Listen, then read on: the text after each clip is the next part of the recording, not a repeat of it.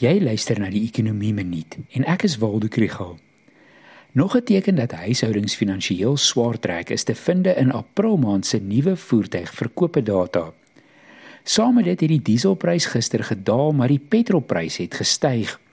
Die Amerikaanse Fed se rentekoersbesluit gaan dinge ook nie vir ons makliker maak nie. Hierdie episode word ondersteun deur Predictive Insights en die NWI Sakeskool. Naamsa het gister April maand se nuwe voertuigverkope data bekend gemaak en dit wys die impak van swak ekonomiese groei vooruitsigte en hoë rentekoerse.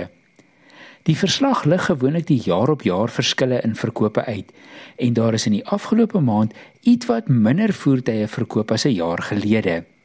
Daar was 'n afname in die verkope van passasiersvoertuie, maar 'n toename in die verkope van ligte en swaar kommersiële voertuie.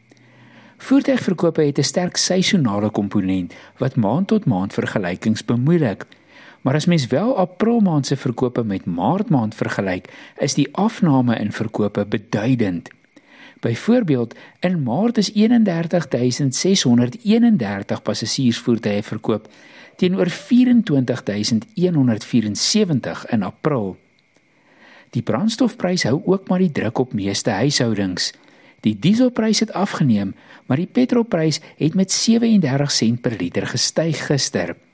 Die sentrale energiefonds skryf dit toe aan veranderings in internasionale pryse. Laaste het die Amerikaanse Fed gisteraand aangekondig dat hulle beleidsrentekoers met 25 basispunte verhoog word. Meer daaroor in 'n volgende episode.